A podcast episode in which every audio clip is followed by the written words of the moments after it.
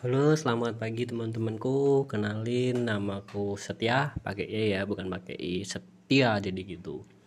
Uh, di podcastku pagi hari ini aku ingin membahas tentang kesehatan ya teman-teman. Jadi ada gak sih dari kalian-kalian gitu yang fitness ataupun workout, entah itu di gym ataupun di rumah. Nah, untuk mungkin yang sekarang masih WFH atau apa jadi itu uh, bagus banget sih kegiatan kayak gitu. Bisa menghilangin stres bisa buat badanmu bugar sama menjaga kesehatan dan jangan lupa pola makannya juga ya teman-teman.